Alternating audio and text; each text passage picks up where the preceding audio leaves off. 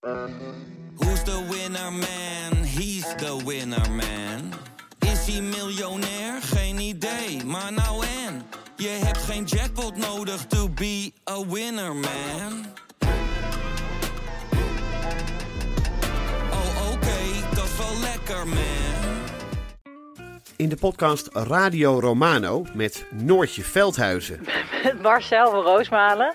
En met Roelof de Vries. brengen we alle drie elke week een zogenaamde signalering mee. Wat heb jij nou weer bij je? En aan het eind bepalen we wie de winnaar van de week is. Echt een angstcultuur aan het Lege worden. huls die je er bent? Ja, dat gaat eigenlijk altijd onvriendelijk. Luister nu naar Radio Romano bij Podimo.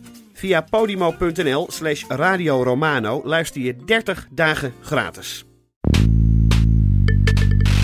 Ben bij hem geweest. Ik zeg, Wouter, luister eens, wij zijn onafhankelijk. En ik, het kan best zijn dat, ik met, dat wij met dingen komen waar jij niet blij van wordt, want die gaan dwars tegen jouw beleid. Nee, zegt hij, dat begrijp ik. En toen hebben we afgesproken, ik bemoei me niet met zijn beleid en hij niet met ons. Nou, dat is perfect. Ik vind dat er heel veel werkgevers in zitten. Ik vind dat er ook heel veel werknemers in zitten. Maar het is wel zoet en zuur. En mijn pleidooi is ook, mensen, stap over je eigen schaduw heen. Je hebt een eigen belang, tuurlijk. Hebben we allemaal. Maar er is een groot gemeenschappelijk belang, een groot publiek belang met z'n allen nu aan de orde. Hoe kunnen we op hoofdlijnen dit land echt verder brengen? Want bij ongewijzigd beleid zijn er alleen maar verliezers. Dit is Betrouwbare Bronnen met Jaap Jansen.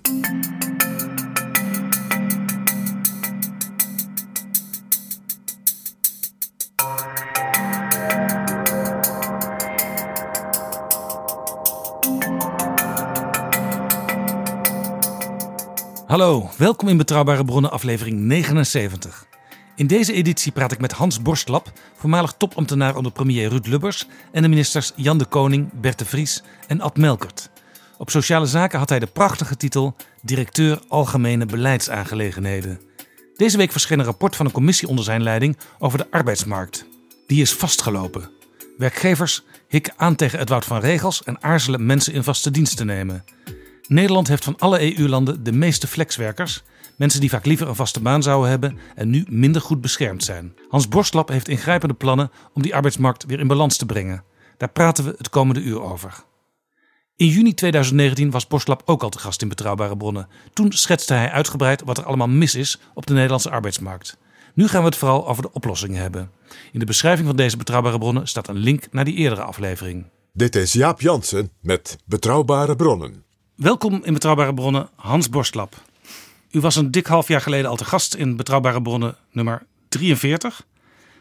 U had toen met uw commissie de problemen in de Nederlandse arbeidsmarkt in kaart gebracht en sprak van de nieuwe sociale kwestie. We gaan het er zo uitgebreid over hebben. Maar kunt u nog even kort zeggen, wat is het grote probleem nu? En als we niet ingrijpen in de nabije toekomst, nog erger. In ons rapport analyseren we drie grote problemen die tegelijkertijd eh, aan de orde zijn. Er is een economisch probleem dat als we zo doorgaan ons verdienvermogen in geding komt.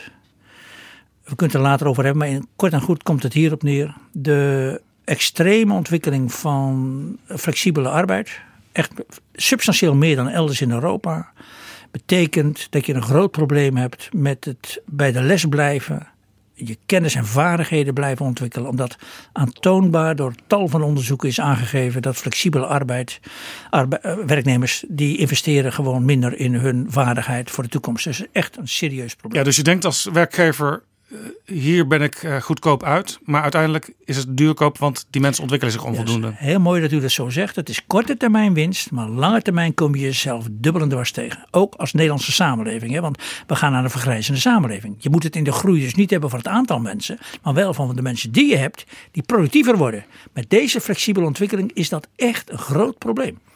Twee, het is de sociale kwestie van deze eeuw, van deze tijd. Ehm, een heel mooi rapport van de WRR, het betere werk vorige week, die aan, aantoont echt buitengewoon overtuigend, vind ik, dat je, dat, dat je moet je realiseren als beleidsmakers wat onzeker werk met mensen en met gezinnen doet. Eh, en zij komen dus met dat mooie pleidooi: grip op werk, grip op leven, grip op inkomen. En al die drie grepen zijn niet veiliggesteld in de manier waarop we flexibele arbeid in dit land nu georganiseerd hebben. Allemaal helemaal geen schuldig. Niemand wil dit. Want heel veel mensen hebben het idee, het glipt mij uit de handen. Juist, juist. Wat ik ook heel mooi vond. Uh, Barbara Baarsma heeft een heel aardig iets ontwikkeld, vond ik. Die zegt, je moet niet over koopkracht spreken. Dat is iets heel beperkt. Je moet over kanskracht spreken. Kanskracht zegt, dat, dat is veel belangrijker voor mensen. Ja, geldt natuurlijk ook, maar het is een, een, een beperkt onderdeel kanskracht wil zeggen, het sluit echt aan ook bij ons rapport vind ik.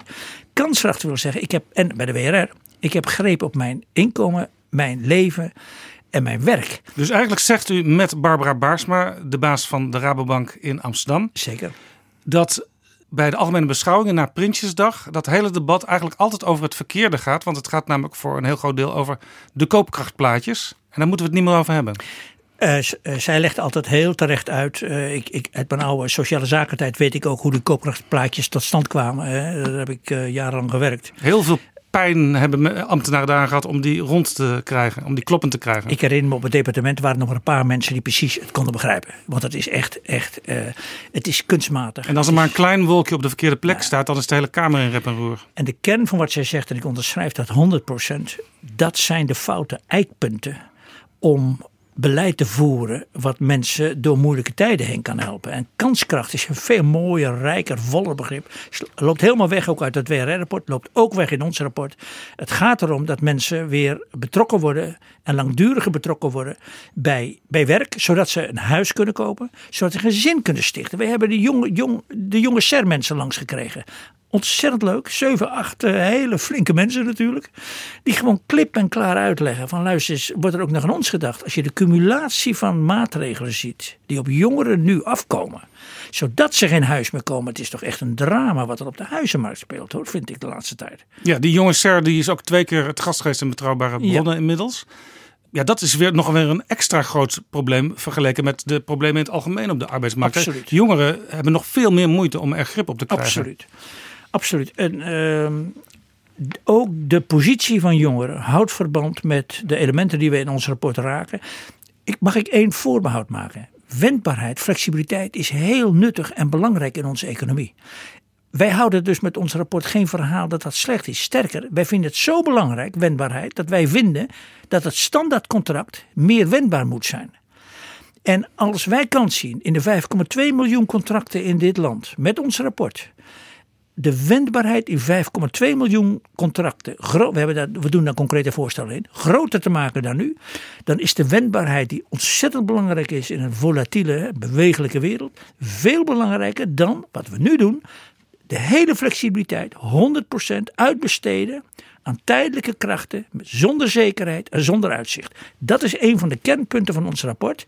Wij hebben de gemakkelijke weg tot nu toe gekozen door de behoefte aan wendbaarheid te externaliseren, buiten het bedrijf te droppen, eigenlijk af te kopen, ook nog veel te goedkoop.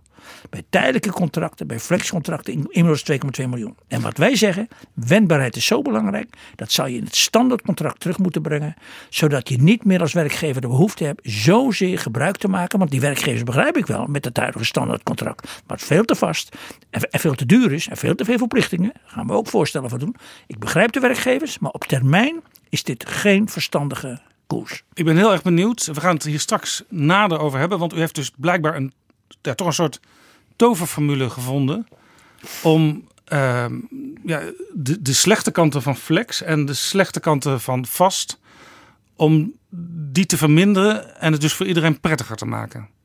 Ja, ik weet niet of het toverformule, maar we hebben er wel even goed over nagedacht in de commissie, want het kost ons ook enige moeite om erachter te komen. De kern van ons verhaal is wel dit. Ontmoedig en beprijs de doorgeschoten flexibiliteit in deze samenleving, in, in, in de arbeidsmarkt van ons. En daar moet echt tegenover staan grotere wendbaarheid van het standaardcontract. Eh, zoals wij nu in dit land hebben. Zodat uh, een werkgever, om er eens wat te noemen, die moet meer ruimte krijgen dan nu. Om arbeidstijd, arbeidsplaatsen, arbeidsfuncties zeggen we letterlijk, aan te passen uh, ook onder zijn verantwoordelijkheid aan de nieuwe economische omstandigheden. Dat is een hele forse, dat realiseer ik me. En dan moet je ook met, met, dat moet je ook begrenzen, dat moet ook voorwaarden bij. Maar die ruimte moet de werkgever krijgen naast het feit, dat is natuurlijk een heel groot punt ook. Um, als, dat, als ik dat concrete punt gelijk mag noemen, want het past helemaal in die wendbaarheid en die, die aantrekkelijkheid voor het standaardcontract om weer mensen aan te nemen. Wij hebben heel veel werkgevers langs gehad. Ik heb geen één werkgever langs gehad die zegt: Kom maar op, ik ga weer nieuwe mensen aantrekken. Dat doen ze gewoon niet. En ik begrijp het ook nog als je kijkt naar die, naar die, naar die lasten. Dus wat gaan wij doen? In ons voorstel. Nee, nee, daar wou ik het straks Oh, over hebben. Nee. Ik maak mijn rijtje Want- problemen nog even Ja. af. Want dat was economisch, sociaal. En nu kom ik op het derde, maatschappelijk. We hebben een maatschappelijk probleem als we zo doorgaan. Mag ik dat toch illustreren? Ik vind het voor mezelf toch het meest helder. Een leraar, een verpleegkundige. Die vrijdagmiddag tegen de baas zegt. Luister eens hier, ik neem ontslag. Maar je mag maandagmorgen weer inhuren als ZZP'er. Dat gebeurt. Je ziet dat dat gebeuren. Zijn er een aantal problemen daarmee. Eén. Wie doet nog de lastige weekenddienst in het ziekenhuis? Want de ZZP'er is daar niet voor in. Nee. Dus de lasten voor de moeilijke continudienst in het ziekenhuis. Bij school is het iets anders, maar er zijn ook vervelende klussen te doen. Die komen bij een steeds beperkte groep vaste werknemers die het standaardcontract hebben terug. Dat houden we zo niet vol. Mijn tweede punt is. ehm, wij hebben uitgerekend, dat hebben we keurig in ons rapport aangegeven, wat het financieel betekent voor iemand die vaste werknemer is vrijdagmiddag en maandagmorgen een zelfstandige. Die gaat als de betrokkenen 50.000 euro verdient, gaat hij die 15.000 op, op vooruit. Zit hij op modaal, zeg zo 35, dan zal het iets van 12, 11, 12.000 euro zijn. Voor precies hetzelfde werk. Dit is niet vol te houden. Dit begrijpt niemand. Het systeem genereert dit kennelijk. Dit is echt een vreemdkörper. Het is raar dat dat zo successievelijk de afgelopen tijd is, is, is ontstaan. Ehm, dit, ik, ik hoef nooit lang te praten als je met mensen spreekt. We hebben heel veel mensen gesproken. En ik zeg, "Lu- eh, wat vind je hiervan? Ja, zegt, is natuurlijk helemaal... Is dit voorbeeld, is dit ook, eh, verklaart dit ook een beetje waarom in het onderwijs er een groot personeelstekort is? Dat is een meerkoppig monster, als ik het, als ik het goed zo zie. Dit, dit, dit is er wel één van, omdat het ook duurder is. Hè? Eh, nu, de ZZP'ers zijn echt duurder. Ik, ik las berichten over de toename van kosten ook in het ziekenhuis... als gevolg van de inhuur van, van zelfstandigen. Het gek is, even geen misverstand... Hè? Zelfstandige arbeid is ontzettend belangrijk. En die houden we echt de toekomst. Alleen net zoals dat de flexibele contracten zijn doorgeschoten naar 2, 2 miljoen. Hebben we nu ook 1,2, 1,3 miljoen ZZP'ers, zelfstandigen. Waarvan een hele grote groep, denken wij echt, beleidsgedreven is. Dus door, het, door de fiscale instituties eigenlijk zijn veroorzaakt. Omdat geen ander land deze dat is dus kent. eigenlijk een oneigenlijke reden om voor het ZZP-schap te Ja. kiezen. Fiscaal of Ja. sociaal Ja. is het voordeliger. Ja, absoluut. En ik denk ook dat de meeste ZZP, de meeste zelfstandigen willen gewoon autonoom zijn. Die willen de, die, laat mij nou mijn passie op mijn manier doen. Dat vind ik ontzettend waardevol. En dat blijft ook echt zo. Alleen de mensen die uitsluitend door die fiscale prikkels zijn gedreven, ja, die zullen naar ons rapport echt even achter de oren moeten krappen. En dat als het kabinet het overneemt. Maar volgens mij kan het niet anders. En ik heb er zo nog een ander punt voor. Die zullen achter hun oren moeten krappen. Nou, en eh, er is even in het weekend bij het blokje om over het strand moeten nadenken. Luister eens even hier, heb ik daar wel verstandig aan gedaan? Want, want zo kan ik niet door. Ik wil nog een ander punt noemen waarom dit, dit een heel groot punt in ons rapport is. Omdat het ook maatschappelijk ontwrichtend werkt in de, in de onderwijs en, en zorg en, en, en de ziekenhuizen. Maar er is ook nog een ander punt. Als steeds meer mensen fiscaal gefaciliteerd het standaardcontract verlaten, dan wordt het aantal mensen wat nog gewoon belasting betaalt steeds kleiner. En dus wat eigenlijk zorgt voor het fundament, De het sociale fundament onder ons allen. Technisch zeggen wij dus, het is een beetje technische taal, maar dan, dat is heel simpel uit te leggen. De grondslag voor de financiering van de collectieve eh, uitgaven, namelijk de belastingen, neemt steeds af. Als die steeds Ja. Kleiner ja, grondslag wordt, is eigenlijk een ander woord voor fundament. voor fundament. Als, dat, als die steeds kleiner wordt en de uitgaven nemen niet af, moeten die belastingen steeds omhoog. Als de belasting omhoog gaat, gaat de koopkracht omlaag. Ik vind het niet zo gek dat de politiek zich grote zorgen maakt hoe we in de tijd van beperkte economische groei toch nog wat koopkracht aan de mensen kunnen geven. Want uitgerekend de afgelopen 10, 15 jaar is dat mondjesmaat tot niet gelukt. En uitgerekend in die periode is het zelfstandig ondernemerschap met deze fiscale faciliteiten toegenomen. Dus ik zeg altijd tegen iedereen, als we het hierover hebben, want ik begrijp best dat dit gevoelige punten zijn, maar onze taak als commissie is het niet om iedereen te vriend te houden, maar echt aan de orde te stellen dingen die niet vol te houden Ja, zijn. dit is misschien ook een beetje. eh, Klaas Dijkhoff heeft het er ook over gehad in, in een rapport wat hij geschreven heeft. En ook in Betrouwbare Bronnen sprak ik er met hem over. En ik zie het een beetje misschien als een soort middenklasse paradox. Je hebt dan misschien nog net wel eh, de luxe, de, de- het prettige idee van een vast contract. Ondertussen moet je zoveel gaan bijdragen aan dat algemene fundament. Ja. Eh, Dat het daardoor ook weer eigenlijk uiteindelijk weer helemaal niet prettig is. Precies. En daarom worden ze ook niet. Daarom is er een stagnatie. Het is nu in de conjunctuur. Als je kijkt, als je weinig mensen kan krijgen, ja, dan ben je wel gedwongen een vast contract aan te bieden. Maar op het moment dat de conjunctuur omslaat, daar zijn we echt bang voor. En die druk er niet zo is.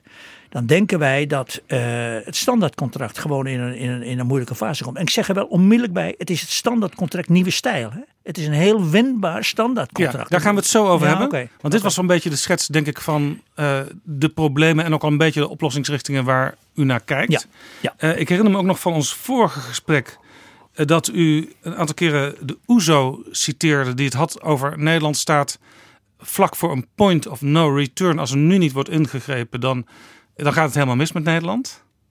Het is eigenlijk een heel zwart beeld wat daar geschetst wordt. Ja.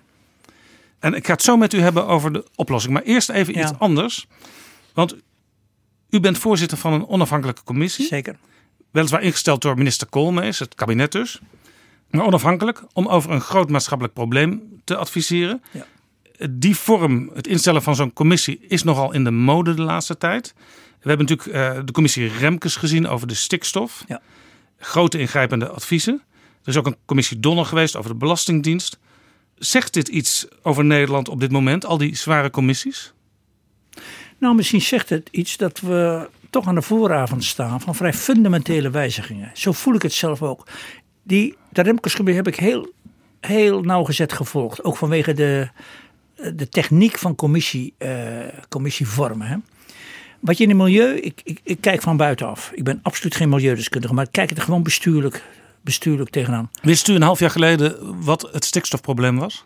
Nou, ik, ik wist dat, maar dat het zo ernstig was. En PFAS had, had ik echt nog niet van gehoord, zoals, zoals de meeste anderen. Wat je bij de milieudiscussie ziet, is dat we jarenlang onvermijdelijke keuzes hebben ontlopen. We dachten het valt wel mee. En vorig jaar, najaar, is volstrekt duidelijk geworden dat al die tijd van uitstel nu onvoorstelbare nare, na- nare gevolgen heeft gehad. En dat trek ik naar mijn commissie. En, en ja, kijk, alarmerende toon, dan moet je, dan moet je, altijd, je moet de maatvoering altijd, altijd natuurlijk goed even over nadenken. Maar wij vinden wel dat bij ongewijzigd beleid het op de arbeidsmarkt in economisch, sociaal en maatschappelijk zin gewoon niet goed gaat. Maar is een commissie als de uwe is die nodig?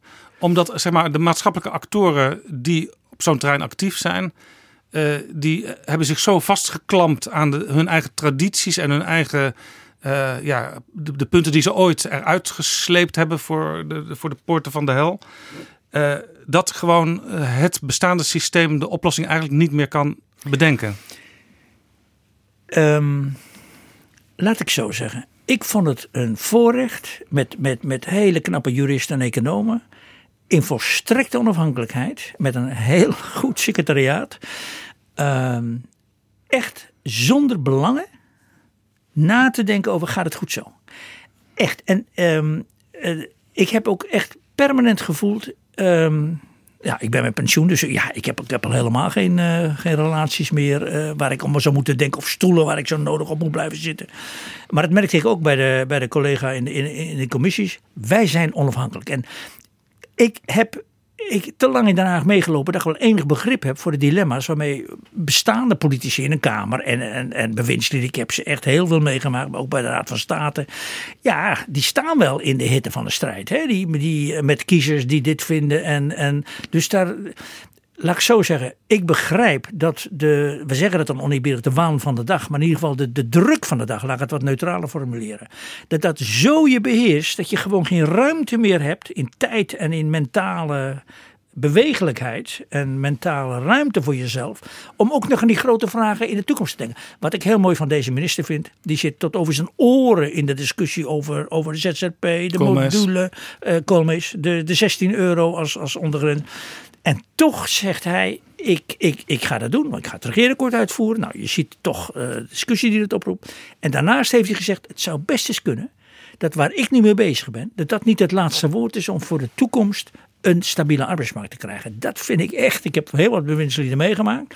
Maar het feit dat je voor jezelf de kritiek als het ware gaat inbouwen. Want ik ben bij hem geweest. Ik zeg Wouter, luister eens, wij zijn onafhankelijk. En ik, het kan best zijn dat, ik met, dat wij met dingen komen waar jij niet blij van wordt. Want die gaan dwars tegen jouw beleid. Nee, zegt hij, dat begrijp ik. En toen hebben we afgesproken, ik bemoei me niet met zijn beleid en hij niet met ons.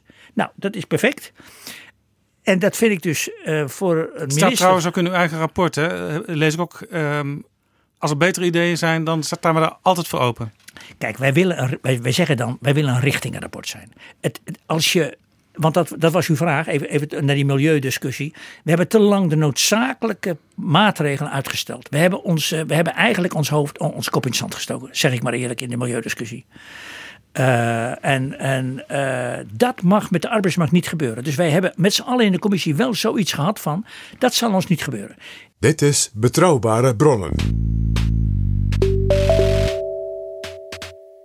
Ik heb altijd het beeld, ook, ook bij de advisering met de raad, hebben het beeld gebruikt. Luister, je zit in een auto, je ziet er een muur, die zie je opkomen. Die muur, je moet een keer iets doen, want die muur die staat er. Die muur die gaat niet weg.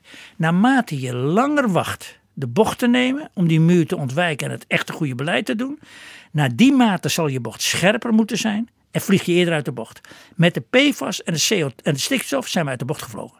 De drama in de bouw en de drama in het land, dat zijn gewoon drama's, vind ik. Misschien is het eh, voordeel van uw rapport wel, eh, vergeleken met zeg maar, de, de klimaat- uh, en milieurapporten. Op, op, op dat laatste terrein, klimaat, zijn er nog wel nog steeds mensen die zeggen: ja, het valt allemaal wel mee, er is niet zoveel aan de hand. Hier weten we eigenlijk allemaal wel een beetje wat de problemen zijn. Want we zijn of werknemer of ZZP'er of uh, we geven werk. Ja, of we hebben familie met problemen. We, weten wel iets van de arbeidsmarkt. Elke Nederlander weet dat wel. Het is zichtbaarder hè? en voelbaarder. Uh, er is ook wel iets oppervlakkigs bij mensen soms in het denken over de dilemma's op de arbeidsmarkt. Ik, ik kom mensen tegen die zeggen: Ja, maar Hans, flexibiliteit is toch altijd goed? Dat is, een, dat is een, bijna een reflex. Hè?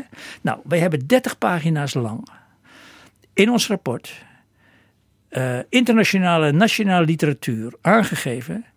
Elke economie heeft behoefte aan wendbaarheid en flexibiliteit. Maar als die zo bedrijf, beleidsgedreven is, loop je zoveel kans dat deze flexibele arbeidskrachten in onzekerheid verkeren. Helemaal niet aan scholing en, en, en, en, en kennisontwikkeling toekomen. Dus op termijn, het is bijna al de helft, 2,2 miljoen uh, flexibele contracten ten opzichte van de 5,2 standaardcontracten. Ja, 60% vast, ja, 40% precies. flex. Dat je niet meer toekomt om je op de, op de toekomst voor te bereiden. Dus, dus ik, ons rapport wil wel een announcement effect hebben. Die wil, aan, die wil het probleem benoemen. Klip en klaar. Dat is, dat is geen grijze talen, denk ik, dat we plegen. Nou, daar schrikken mensen van. En wij zeggen, je moet een nieuwe richting in. Waar de nieuwe grote kolossen van regelgeving in ons land. Het hele arbeidsrecht. 100 jaar oud. De hele fiscaliteit. Iets langer hè. Dan 100 jaar hè. Dat hebben we altijd gehad natuurlijk. De hele sociale zekerheid, ruim 150 jaar oud. De hele scholingswetgeving, 1901, wet op de leerplicht, zeg maar grosso modo, allemaal tussen de 100 en 150 jaar oud. Die hebben allemaal hun eigen dynamiek gehad. Hebben zich los van elkaar ontwikkeld. Terwijl ze allemaal wel effect hebben op die ene arbeidsmarkt. En nou, dat, balans is weg, de, de relatie is weg. Dat is dus allemaal, uh, uh, ja, dat hebben we eigenlijk allemaal een beetje verloren. En wat je dus eigenlijk zou moeten doen, die kolossen uh, je moet dus eigenlijk een, een, een begrippen ont, ontwikkelen, dat doen we in ons rapport, die boven die sectoren uitgaan. En met als opdracht aan de juristen, aan de sociale economen, aan de fiscalisten, aan de onderwijsmensen. Ga nou eens je kolom herordenen naar de begrippen wendbaar. Wendbaar moet dus in alle contracten enorm naar voren komen. Weerbaar. Je moet dus toegerust worden om die wendbaarheid te kunnen doen. Kijk, als je geen basisverzekering in termen van inkomensbescherming hebt, dan durf je niet meer te bewegen. Dus wendbaar en weer, je moet, je moet weerbaar worden door zeker te zijn van als ik eens een keer een misstap maak, of als ik van die stijger afval, of als een investering eens even niet goed uitpakt, dan moet ik terug kunnen vallen op een basisverzekering. Daarin zorgen we. Dan verder zeggen we wederkerigheid. Wederkerigheid, als het collectief zich heel druk om jou gaat maken, mag jij niet achterblijven. Mag jij niet rustig thuis blijven. Wij bepleiten vanaf dag één uitkering We gaan met jou aan de slag. Wat heb jij nodig om weer aan de slag te gaan? En ons laatste punt is duidelijkheid. De arbeidsmarkt die wij nu hebben is ongekend complex. En eh, ja, behept met een enorme wildgroei. Daar gaan we orde in scheppen. In ons verhaal komt het uitzendwezen, maar dan het bona fide uitzendwezen. Dus we gaan kwaliteitseisen stellen. Die krijgt een enorm belangrijke taak. Ja. Om alle tijdelijke arbeid op een op fatsoenlijke manier te regelen. Ja. U had het over de commissie Remkes. Die, die, ja, die heeft eigenlijk veel mensen de ogen geopend. Ja. U wil nu de ogen openen als het over de arbeidsmarkt Zeker, gaat. ja. U heeft ook al, is, is dat, ook, dat neem ik aan, is een beetje bewust geweest, denk ik. Hè? Een half jaar geleden had u een rapport waarin u heel erg de problematiek omschreef. Daar hebben we toen over gesproken. Ja. Was dat ook al om een beetje de bodem te Ja. leggen onder het idee van straks moeten, straks moeten er nieuwe fundamenten komen. En ga er maar vast over nadenken. Dan komen we straks weer bij u terug met onze ideeën. We hebben 100 position papers gehad. Kleine 100 position papers. En precies die tussenrapportage hebben we natuurlijk ook even over nagedacht. Eh, je kan niet meer in deze tijd, dat is echt heel, heel raar, denken ik sluit mijn jaar op en dan ga ik eh, even zeggen hoe het paradijs eruit ziet. Dat vind ik echt niet meer. Dus wij dachten, we echt behoefte ook voor onszelf, tussenrapportage, schiet er maar op. Nou, gigantisch veel discussie opgeroepen. Ik heb veel praatjes gehouden, mensen zijn bij ons langs geweest, we zijn naar ze toe gegaan. Ze hebben position papers gemaakt. Die hebben echt ons rapport mee bepaald.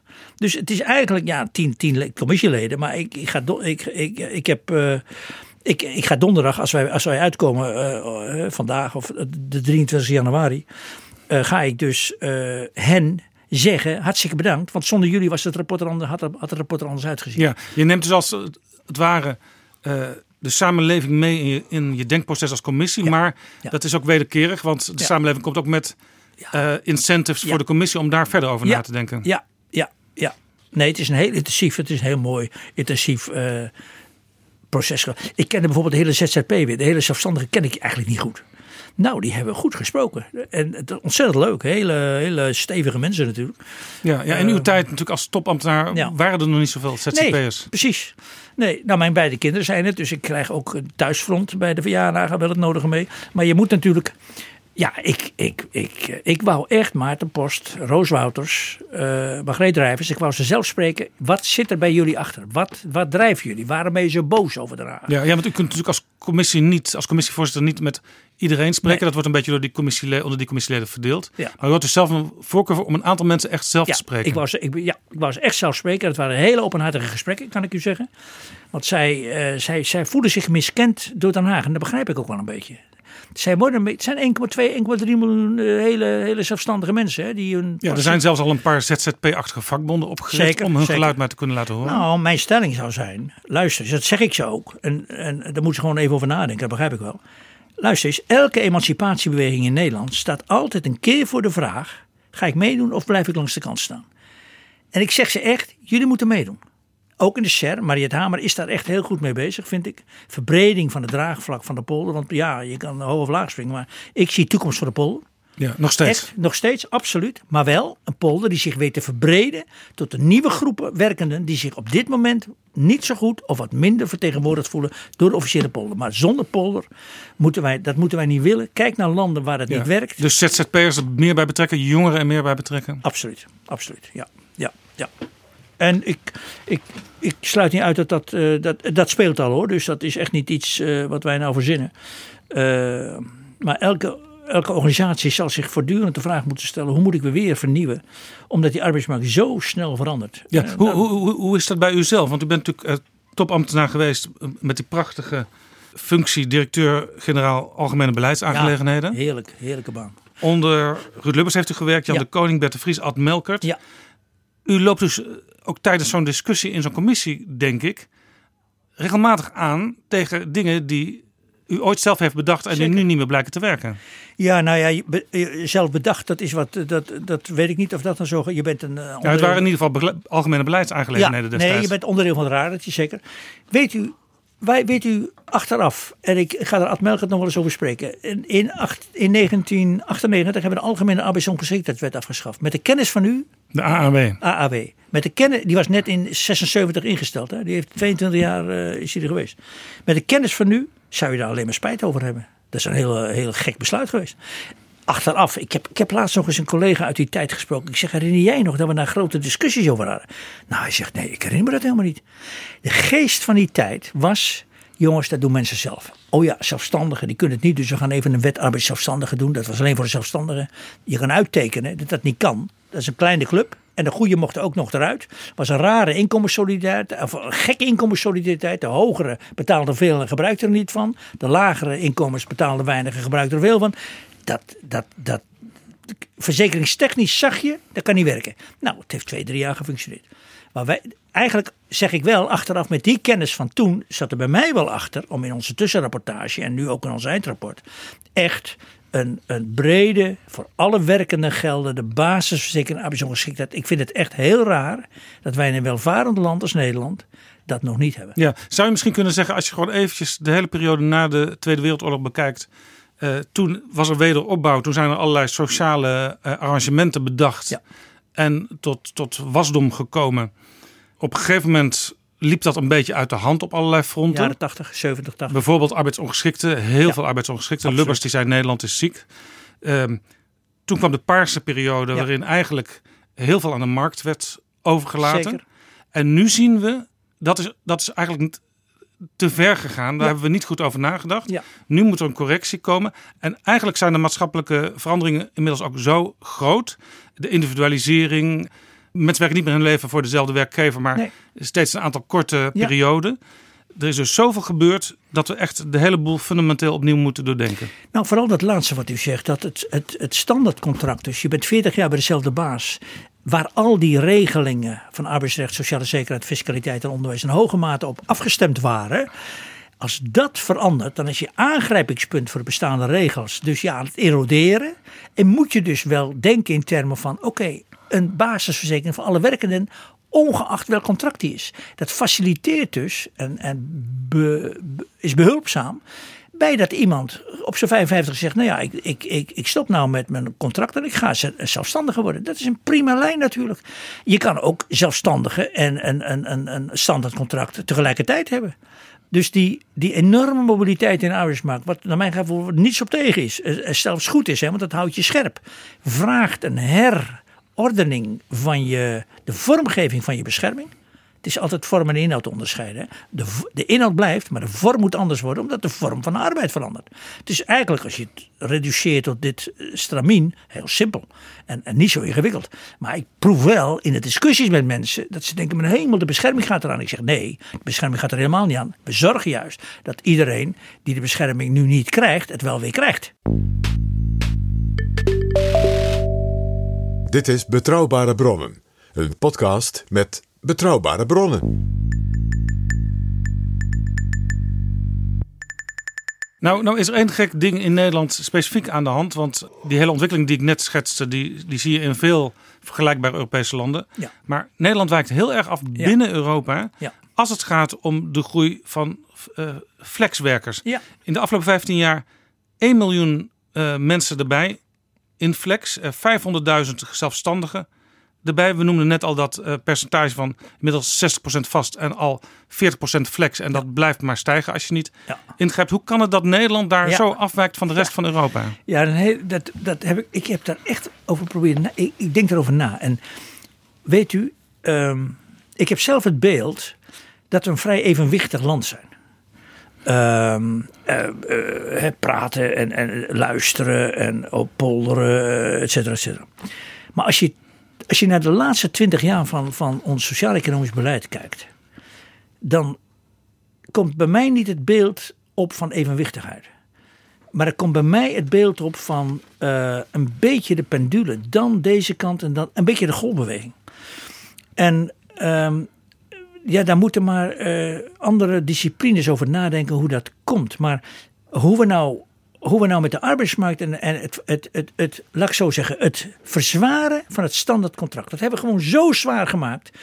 Dat er, die werkgever er niet meer aan denkt om, om mensen in dienst te nemen. Ja, terwijl, we, terwijl dat natuurlijk een heel En we hebben aan de andere kant de flexibele arbeidskrachten zo goedkoop en zo ontlast met allerlei verplichtingen. Ja, dat gaat dus enorm uit elkaar. Daartussen is een wildgroei ja, die, een wildgroei aan allerlei contracten ontstaan, wat geen ander land kent. Nou, dat vind ik niet bepaald evenwichtig, moet ik Is het dan wel mogelijk als je als commissie denkt, dit, dit is niet goed, dit, dit moet anders, om dan toch voorstellen te bedenken om het te veranderen? Want ja, in Nederland hoor je altijd als aan iemand zijn uh, bestaande arrangementen gemorreld wordt. Ja, dat, dat, daar gaan we voor liggen. Dat, dat komt er niet door. Nee.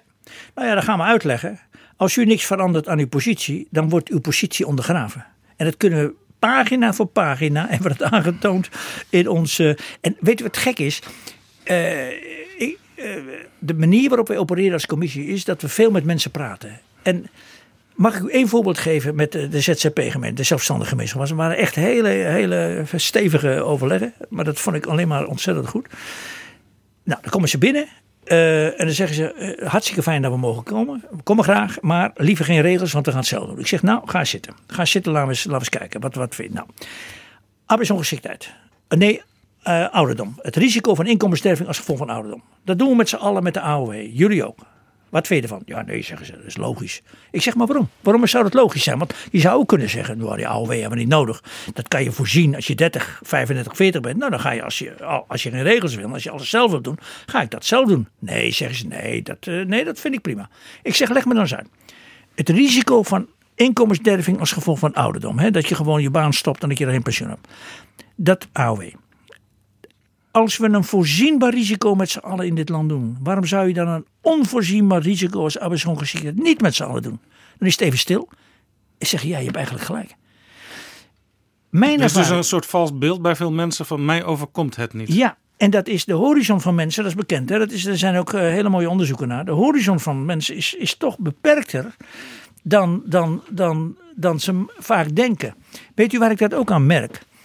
Ehm, we moeten naar een ander activerend arbeidsmarktbeleid. Wij vinden eigenlijk dat vanaf dag één dat iemand in een uitkering zit. Dan moet er een instantie zijn, we noemen het loopbaanwinkel of, of hub. Hè. De hub is heel mooi, vliegtuigwereld, even, even landen in een uitkering en dan gelijk weer aan het werk. Van werk naar werk noemen ze Van werk naar werk, precies. Daar zeggen mensen, jeetje, ik moet nou naar dat bureau en ze willen wat met mij en zo, et cetera. En dat is een beetje, op het moment dat mensen dan toch weer aan de slag zijn, horen we vaak van de arbeidsvermiddelaars, ik krijg signalen dat het heel goed is dat u mij even van die bank afgehaald hebt. Dus, dus soms ja, is dat paternalisme? Is dat, uh, ik zou zeggen, uh, ons hele rapport is gebaseerd op de gedachte dat arbeid en dat werk heel belangrijk is voor mensen. Voor, hun, voor hun mentale balans, voor, voor ook de maatschappelijke samenhang. Ik ben bang er staan 1 miljoen mensen die willen werken, die laten wij thuis zitten. En als ik hier door Den Haag loop, zie ik allemaal bordjes personeel gevraagd. Dan spreek ik een wethouder ik zeg, luister, dat zie jij toch ook? Ja, zegt hij dan, ja, maar eh, dat sluit niet aan en de kwaliteit eh, klopt niet bij de vraag. Maar dan ga je daar toch wat aan doen. Wij vinden in het rapport, we zeggen het ook letterlijk, de nonchalance. Bijna de lethargie dat wij met een gespannen arbeidsmarkt, gewoon laatst het CBS. CBS had een hele mooie analyse de krapte op de arbeidsmarkt gaat echt groei kosten. We kunnen gewoon niet doen wat we kunnen. Ja. En er zitten een miljoen mensen thuis. Onbestaanbaar. Ik noemde het net al eventjes. Uh, Lubbers die zei in 1990 Nederland is ziek. Toen waren er 900.000 arbeidsongeschikten. Hij zei als dat loopt, oploopt tot een, miljoen dan, dan ben ik ben weg. Ik weg. Dus, dus er moet iets gebeuren. ik weet het toch. Ja. Maar u zegt nu in feite is er nog steeds een, een vergelijkbaar uh, probleem. Absoluut. Het is zelfs niet echt helemaal goed te meten. Want niet iedereen wordt overal meegeteld. Nee. Maar je, kunt, je zou dus kunnen zeggen, er staan een miljoen mensen aan de kant nog steeds. Misschien zelfs al richting 2 miljoen. Ja, um, afhankelijk van hoe je telt, zeker. Ja. En dan heeft u in uw rapport op pagina 55 een, een, een lijstje daarvan. Ja. Uh, 300.000 mensen met een werkloosheidsuitkering. Ja. Uh, 200.000 in de ziektewet. 800.000 arbeidsongeschiktheid. Nog steeds 800.000. Dus dat is niet eens zo groot verschil met in de tijd van Lubbers. 400.000 bijstandsuitkering. 300.000 mensen die langer willen werken en daarvoor ook direct beschikbaar zijn. Dus dat telt heel snel op. 2 miljoen. Richting 2 miljoen inderdaad. Ja. Dat is, dat is een enorm maatschappelijk probleem. Terwijl als we uh, de kranten lezen, als we radio televisie volgen, misschien sommige podcasts, ja. dan denken we het gaat heel goed met Nederland. Er is nog steeds redelijke economische groei. De werkgelegenheidscijfers, de werkloosheidscijfers zijn ook heel goed ontwikkeld. 3,5% Ja. Maar we zitten dus toch, toch steeds met 2 miljoen mensen die eigenlijk in, in die getallen niet zo heel erg duidelijk naar voren komen. Dit is de zuigkracht van de conjunctuur. De huidige conjunctuur verdoezelt heel veel problemen die nu niet zichtbaar zijn. Waarbij de eerste en de beste recessie volop zichtbaar worden. En los hiervan, het is ook niet alleen een economisch probleem. Dat je gewoon je producten niet kan maken. Dat, dat, dat gaat nou langzaam aan doordringen. Wij vinden het ook echt een sociaal en een maatschappelijk probleem. En uh, ik verbaas me er echt over, laatst ook weer met de evaluatie van het SCP van de participatiewet, hoe het toch heel moeilijk bleek dat uh, de, de, wetgever, de, ja, de wetgever in Den Haag en de uitvoerende instanties in het land, hè, de UWV, uitzendwezen, de regionale wethouders, ja, hoe, we, hoe ze beiden weer elkaar in de haren vlogen en in de bovenste gordijnen zaten. Terwijl iedereen, als je met ze spreekt, ziet hoe bestaat het dat wij met al ons vakmanschap niet kans zien om 1 miljoen mensen naar de arbeid te brengen. Want het heeft naar iedereen voordelen. We ja. hebben wel... En, en, en staatssecretaris uh, Tamara van Ark, die was onlangs ook in het nieuws. Zij Zeker. wil mensen in de bijstand verplicht laten werken, dus Ja. een tegenprestatie leveren. Maar ik lees in uw rapport uh, dat het regelmatig voorkomt dat de werkzaamheden die mensen dan doen niet voldoende aansluiten bij hun interesses en hen ook niet uitdagen. Dan kun je dus de vraag stellen, heeft dat op die manier wel zin? Ja, nou, ik heb met uh, de staatssecretaris gesproken, want ik wou het natuurlijk ook van haar weten. Er is, die, die, die presentatie is naar beide kanten een beetje ongelukkig verlopen en zo zit zij bepaald niet erin. Uh, wat wij bepleiten in ons rapport, wat ze volledig onderschrijft, is uh, passend aanbod. Dat is, dat is de cruciale. En passend aanbod is dat je een individuele begeleiding pleegt. Dat je dus niet een mal op 1 miljoen mensen legt, want die past natuurlijk niet. Die, mensen hebben vaak hele grote multi, multiproblemen. We hebben met de wethouder Rutger Grootwassink uit Amsterdam gesproken. Die hebben gewoon uitgelegd, heel inzichtelijk, wat je als regionale, wet, ja, regionale functie, wat je daar ziet aan populatie die thuis zit. En hij zegt: mag ik mijn vakmanschap met mijn mensen uitoefenen op mijn manier? Terwijl ik nu, zegt hij, en ik heb daar een bepaald begrip voor, uit Den Haag even voorgeschoteld krijgt, onbedoeld hoor, mensen bedoelen het allemaal goed, hoe ik het in Amsterdam moet doen. Ja. En in Amsterdam moet het echt anders Dus dan meer ruimte om het zelf in te vullen Ja, voor wethouders, ja. voor gemeenten. Ja, maar ik heb hem erbij gezegd, Rutger, luister eens, als jij dat, ik begrijp je helemaal, want het is echt maatwerk in Amsterdam, individuele begeleiding. Als jij dat dan niet goed doet, dan heb jij wel de wethouder van Financiën aan, aan je broek hangen. Hè? Want, want het is niet het slecht doen en dan de rekening in Den Haag leggen. Hij zegt, tuurlijk, daar heb je helemaal gelijk in. Dat, ik wil ook mijn professionale verantwoordelijkheid als wethouder. Amsterdam is trouwens nog een soort bijna een karikatuur van de problemen die in Nederland zijn. Ja, Want zeker. In Amsterdam heb je heel veel relatief rijke mensen. Ja. Dat zie je ook aan de, aan de woningmarkt. Ja.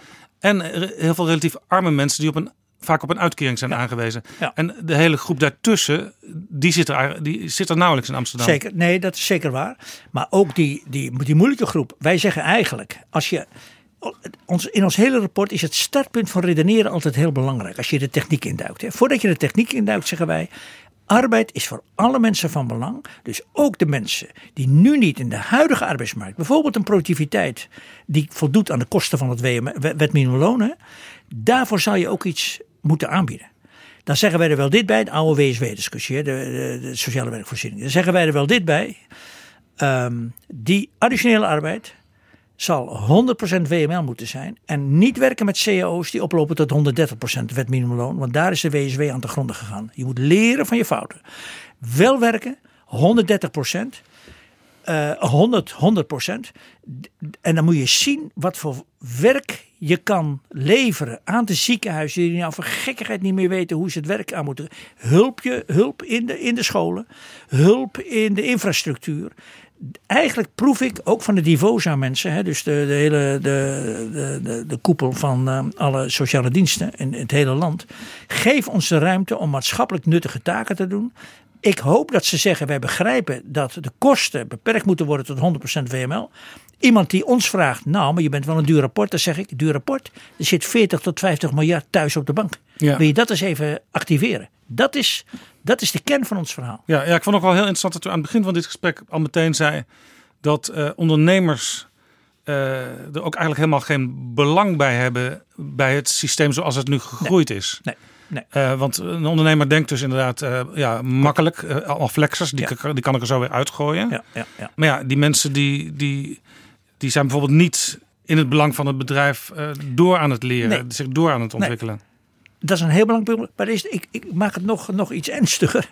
Dit is een punt van korte en lange termijn zicht. En ons rapport is één pleidooi werkgever. En we hebben heel veel werkgevers gesproken die dat heel goed zien. Als wij werkgevers spreken, zeggen we: ik wil dolgraag vaste mensen. Want daar kan ik in investeren. Alleen, je denkt toch niet met twee jaar loondoorbetaling en met deze ontslagbescherming dat ik nog iemand aanneem. Daar doen we dus wat aan. In ja, daar heeft u een plan voor. Een, één jaar doorbetalen. Eén jaar door en reintegratieverplichting. Allemaal één jaar. Echt terug naar een jaar. Dat is fors hoor. Dat is voor Nederlands. Het is internationaal nog heel, heel aanzienlijk. Hè. De Duitsers hebben uit mijn hoofd uh, zes weken of, of twee maanden. Dus zes weken hebben de zes Duitsers. Zes weken, precies.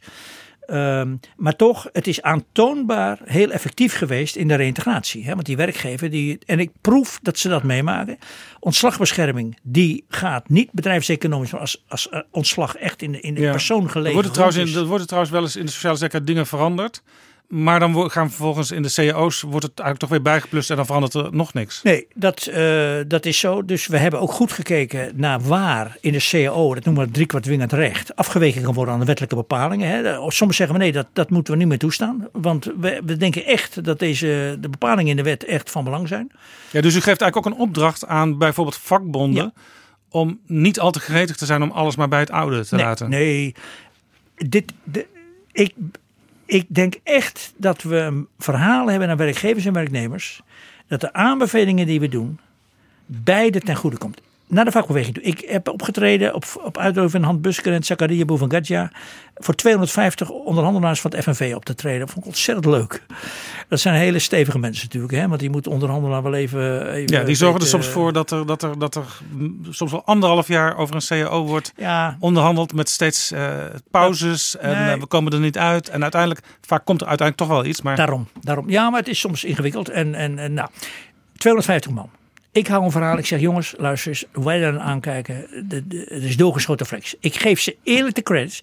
Ik vind dat de vakbeweging in Nederland als eerste gezien heeft. Dat flexibiliteit zo door kan schieten dat niemand daar wijzer van wordt. Die credits moeten we weggeven. Want zij hebben dat gedaan. Maar, zeg ik er wel dit bij. Als je externe flex afremt en ontmoedigt en beprijst, daarmee is de behoefte aan wendbaarheid in het bedrijfsleven niet geringer geworden. Die neemt alleen maar toe.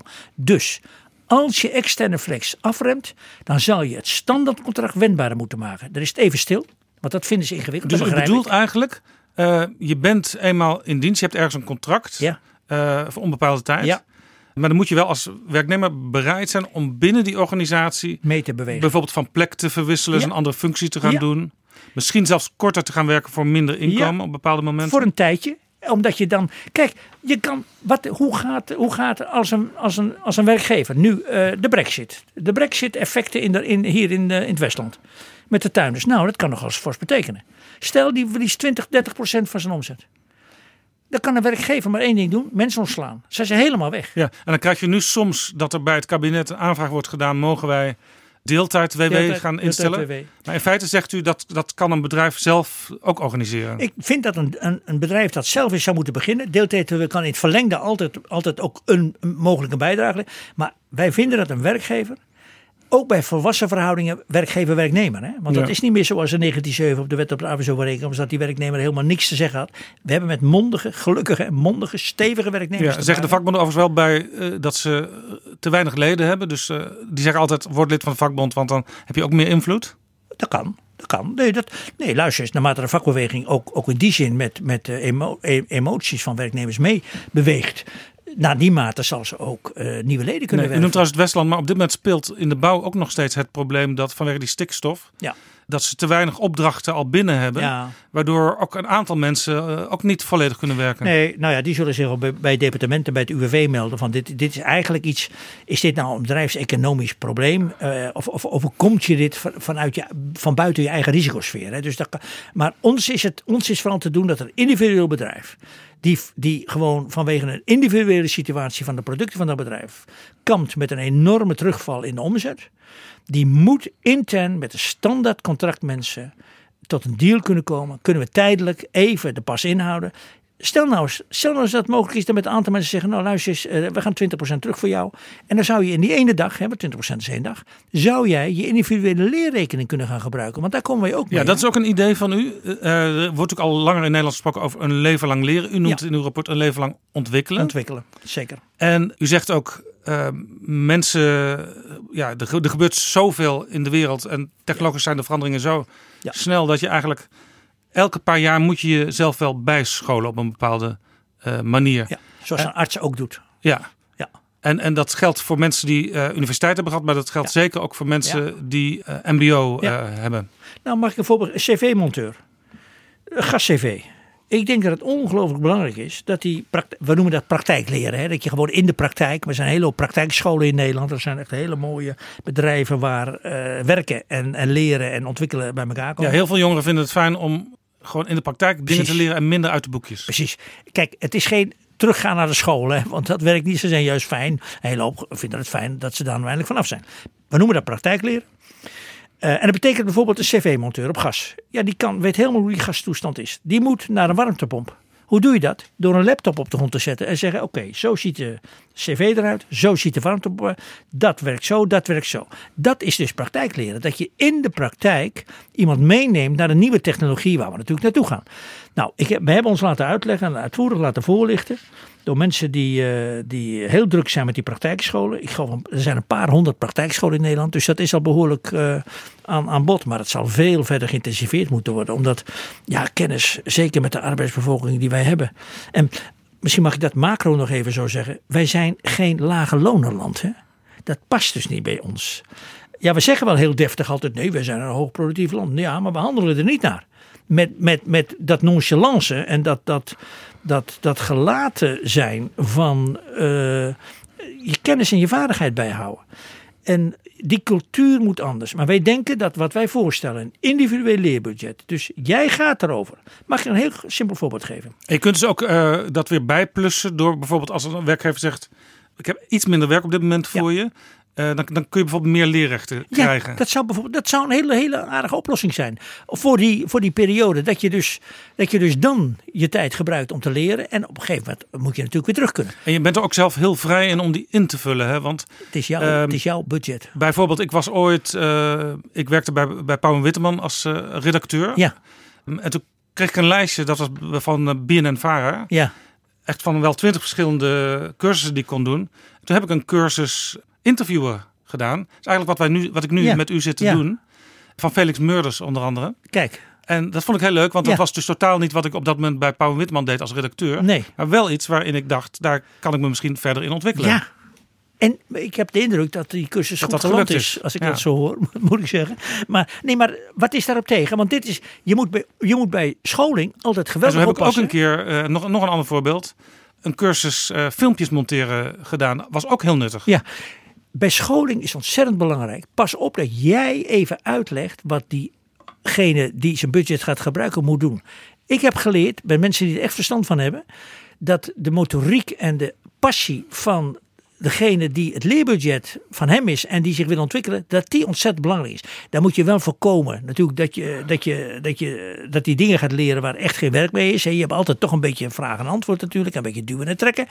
Maar sluit aan. Wij, wij doen ook letterlijk een pleidooi in ons rapport. Investeer in die begeleiders wiens vak het is om te, onder, om te onderkennen wat de betrokkenen die aan de slag moet, wat bij hem past. Wat bij zijn passie past, wat bij zijn, zijn kennis en Maar het ging me allemaal Ja. te... Je moet hard voor de zaak hebben. Ja.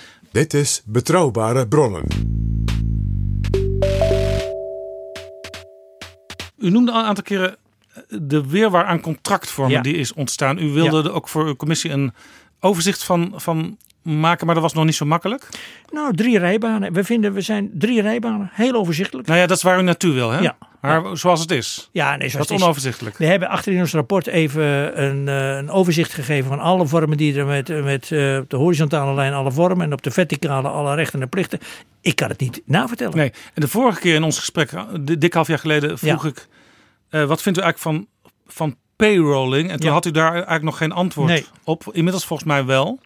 Nou, wat wij zeggen, eh, kijk, ehm, Want payrolling misschien even ja, eh, samenvatten. ja, Ik, misschien moet ik toch gewoon even uit mijn eigen voorbeeld, eh, eigen praktijk doen. Ik werkte bij, ik zal de namen noemen, BNR Nieuwsradio. Ja. Dat had ik twee keer een jaarcontract. Eh, toen zeiden ze ja, een derde of een vervolg, want dan moet je op vast in dienst worden ja, dan moet je, ja, ja. Zit er nu niet in. Nee. Eh, maar ik wil je via een payroll eh, bedrijf, eh, nou, wat is dat dan? Even eventjes kijken. Heb ik uiteindelijk anderhalf jaar nog voor, via dat payroll bij hetzelfde bedrijf in dezelfde functie met dezelfde apparatuur zitten werken. Dat is dus heel raar. Ja, dat zijn trucjes. Hè? En op een gegeven moment zeiden ze, nou ja, we gaan toch met eentje minder werken in Den Haag. En ja, jij hebt het zwakste contract, dus jij gaat er nu uit. Ja. Dat is niet, denk ik, wat u wil handhaven. Nee, nee um, laat ik zo zeggen. Het tijdelijk werk moet blijven, want er blijven hoeft aan tijdelijk werk. Hè. Dat, is, dat is volstrekt duidelijk. Laat daar echt geen misverstand over staan. Ja, dat, is, dat is echt omdat je als bedrijf natuurlijk. Soms heb je gewoon meer omzet, soms minder. Nee. Uh, soms zijn er wat mensen ziek, dan moet je even wat mensen extra inhuren. Maar wat wij zien en waar wij echt een, een, een mooie toekomst voor het uitzendwezen in dat opzicht zien, is dat nu allerlei constructies bedacht worden waarbij in de kern de verplichtingen voor het werkgeverschap worden ontlopen.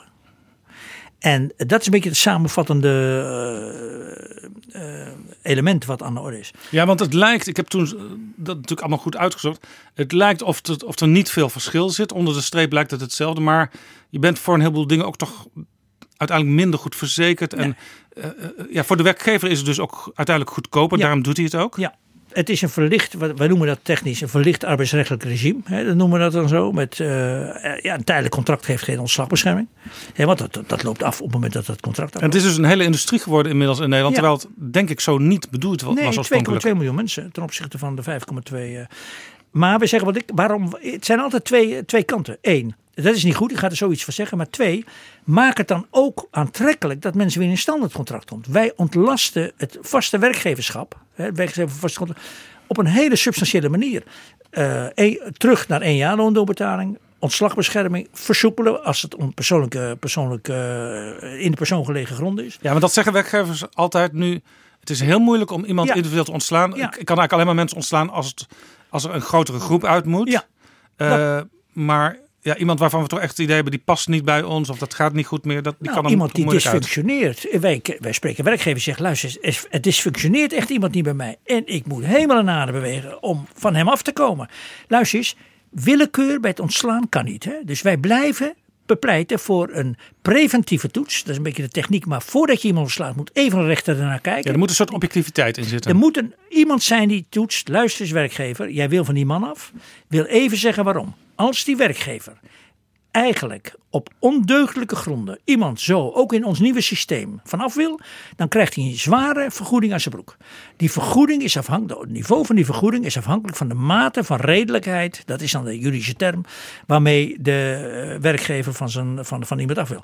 Maar een werkgever die, kan, die echt van iemand af wil omdat hij dysfunctioneert, omdat hij de kantjes vanaf loopt, omdat hij niet alleen maar tussen 8 en 5 wil werken en nooit zo wil werken, die heeft een sterke case in onze, ons geval om die werkgever weet nu in ons systeem, ik kan altijd van hem af, want dat kon nu niet. Een rechter kan hem terugsturen. En als verhoudingen verstoord zijn, dan moet je niet een werknemer terugsturen. Er zijn twee mensen dan ongelukkig bij. Dus je moet er vanaf kunnen, vinden wij. Maar de mate van redelijkheid van de gronden die je bij de rechter aangeeft, bepaalt het bedrag wat je moet betalen. Dat vinden wij. En dat is ook wel een doorbraak, moet ik u zeggen hoor, in, in, in de hele filosofie. Maar die hele, dan terug naar uw vraag over die 2,2 miljoen uh, contracten. Wij zien dat zo.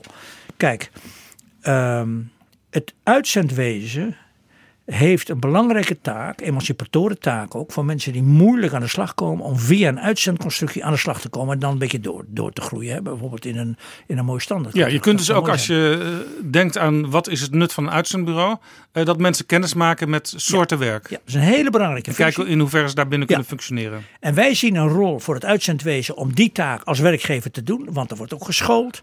Wij zeggen wel, luister eens, jij kan betaald worden als uitzendwezen voor twee functies die je doet voor het bedrijfsleven. Eén, dat noemen we dan een beetje technische allocatiefunctie. Namelijk je helpt een bedrijf aan de goede mensen. Dat is gewoon uitzoeken. Dat hoeft aan de personeel. altijd tijdelijk. En altijd tijdelijk. En je moet het, uh, het moet tijdelijk zijn. Dat zijn de twee eisen.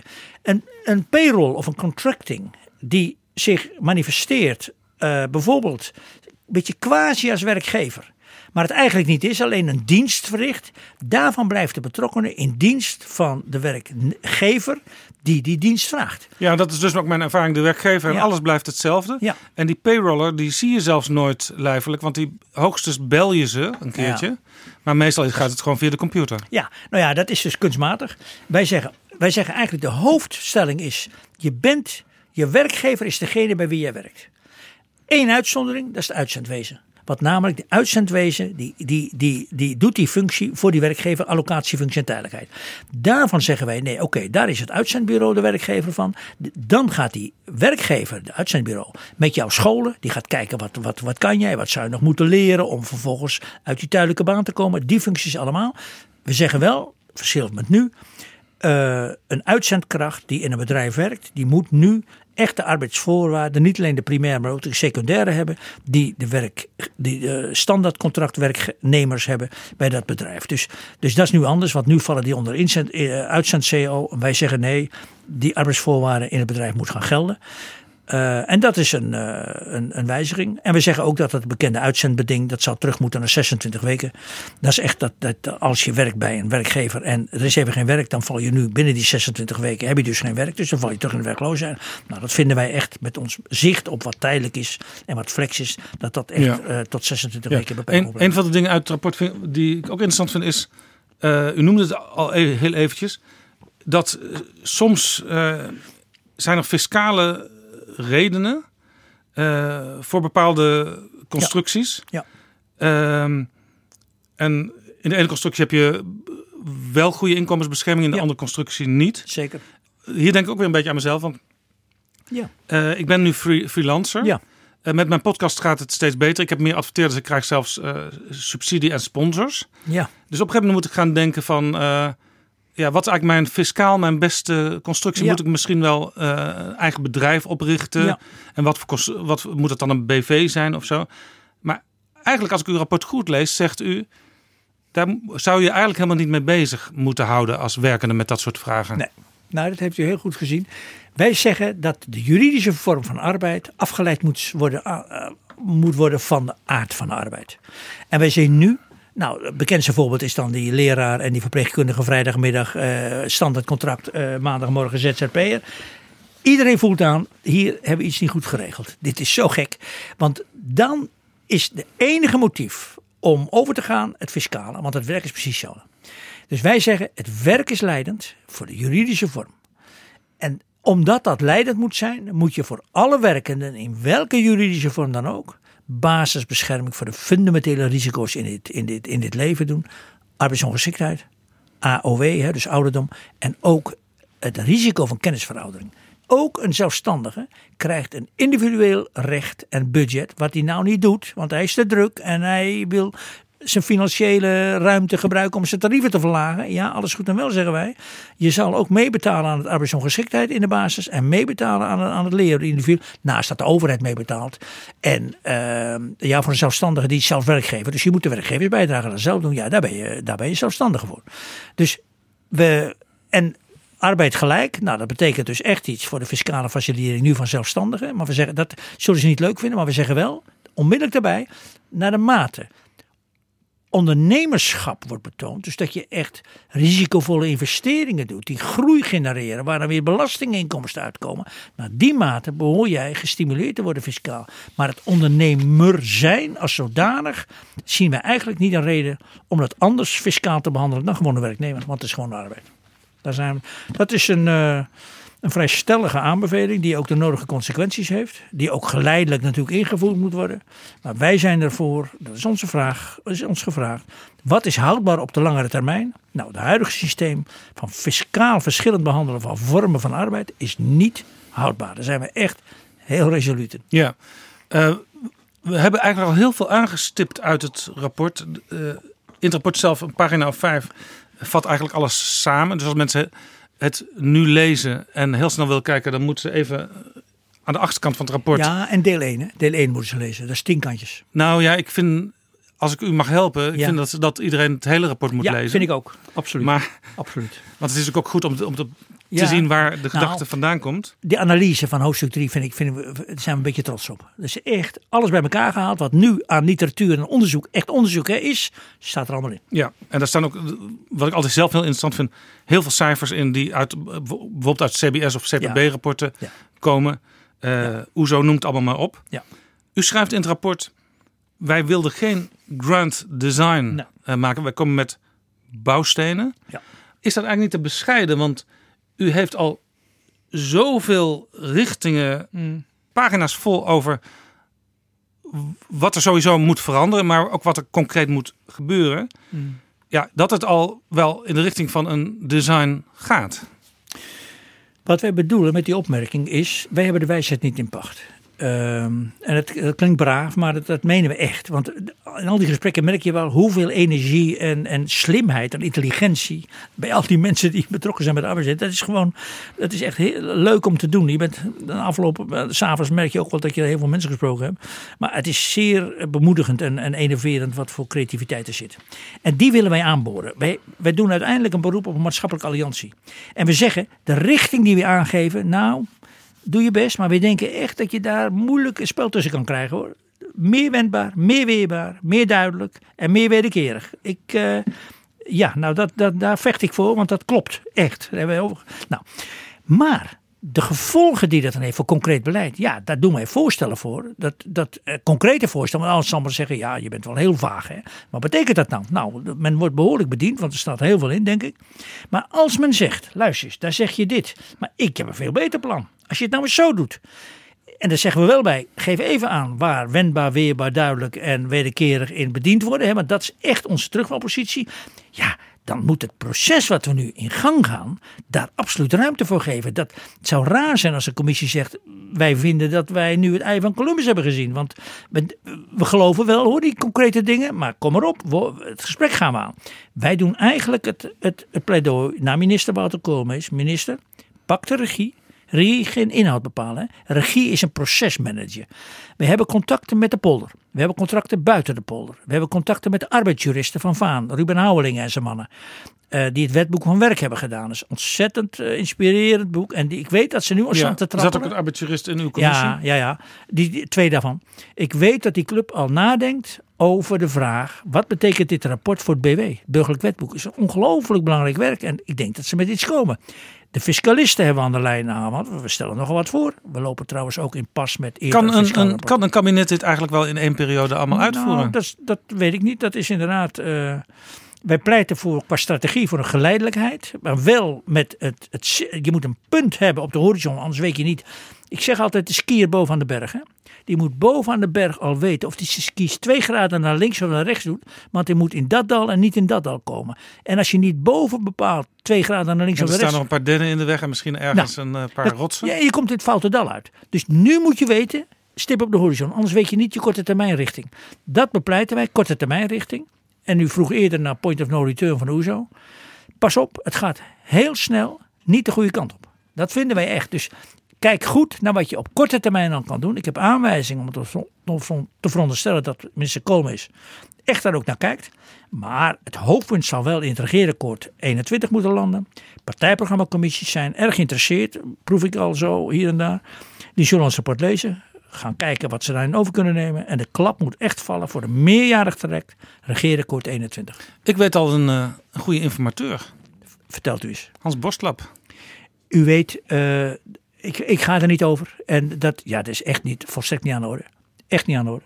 En dan moet natuurlijk eerst, denk ik, voordat het kabinet het, het echt in kannen en kruiken gaat brengen, een sociaal akkoord aan vooraf gaan. Dat kan. Ik denk dat wij bouwstenen leveren die, uh, laat ik zo zeggen, we hebben lief en leed.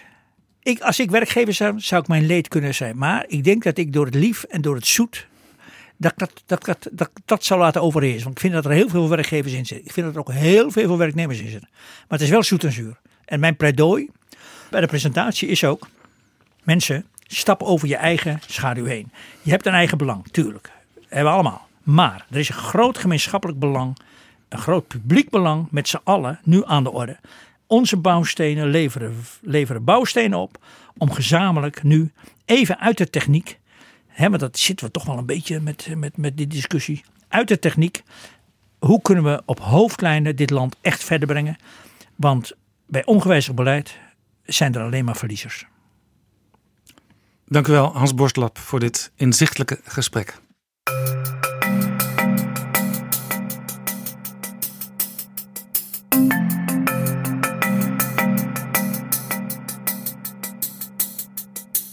Zo, dit was Betrouwbare Bronnen, aflevering 79. Een verwijzing naar het rapport van Borstlap en zijn mensen staat in de beschrijving van deze podcast. En ook een link naar mijn gesprek met Borstlap uit juni 2019, voor wie er niet genoeg van kan krijgen. Deze aflevering van Betrouwbare Bronnen is mede mogelijk gemaakt door We Nederland. Tot de volgende keer. Betrouwbare Bronnen wordt gemaakt door Jaap Jansen in samenwerking met dag en nacht.nl.